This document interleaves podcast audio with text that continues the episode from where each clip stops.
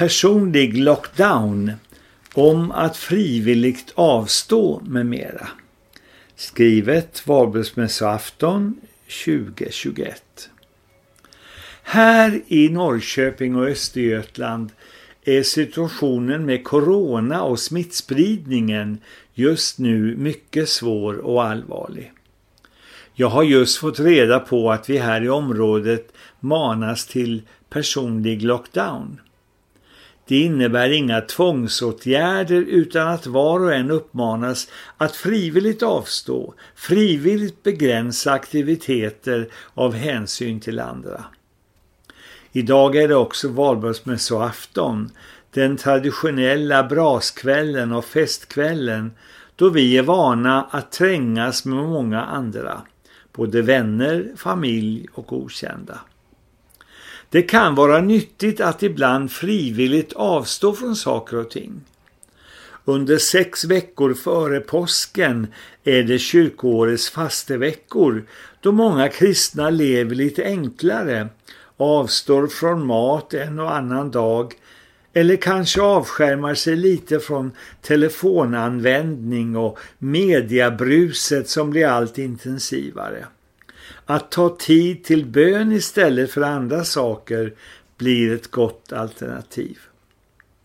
Just nu pågår Ramadan, muslimernas fastemånad, då säkert många muslimer tänker lite mer på andliga ting än vanligt. Att frivilligt avstå, att tänka mer på andra än sig själv, det är också något centralt i den kristna tron.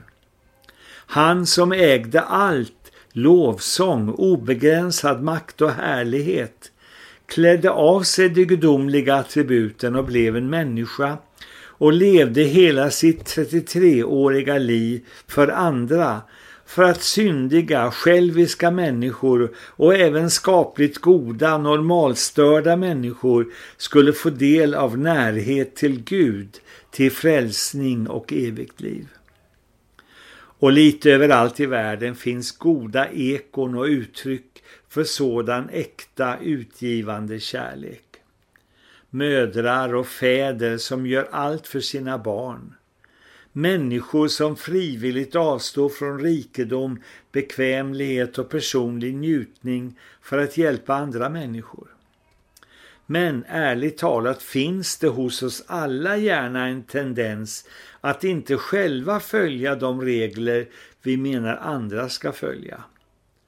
Det kommer gång på gång till vår kännedom om ministrar och viktiga ledare som åker på sina privata resor och ärenden mitt i en tid då alla förväntas avstå från resor.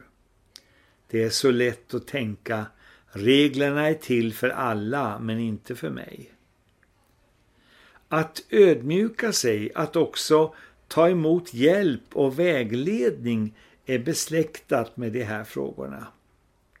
Nils Bolander, prästen, biskopen och den träffsäkre diktaren skriver följande. Kristendom är bra för andra. Ni som vill omvända människorna, börja med grannen tvärs över gatan, en trappa upp, vägg i vägg. Han måste börja om. Det vore verkligen på tiden. Kristendomen är bra för andra. Börja med storbanditerna i tiden. Jag börjar med alla de andra och er själva. Men lämna mig i fred, som är en relativt hygglig människa. Jag tror inte på kristendomen. Jag behöver inte börja om. Jag vill inte börja om. Jag skall inte börja om. Kristendom är bra för andra.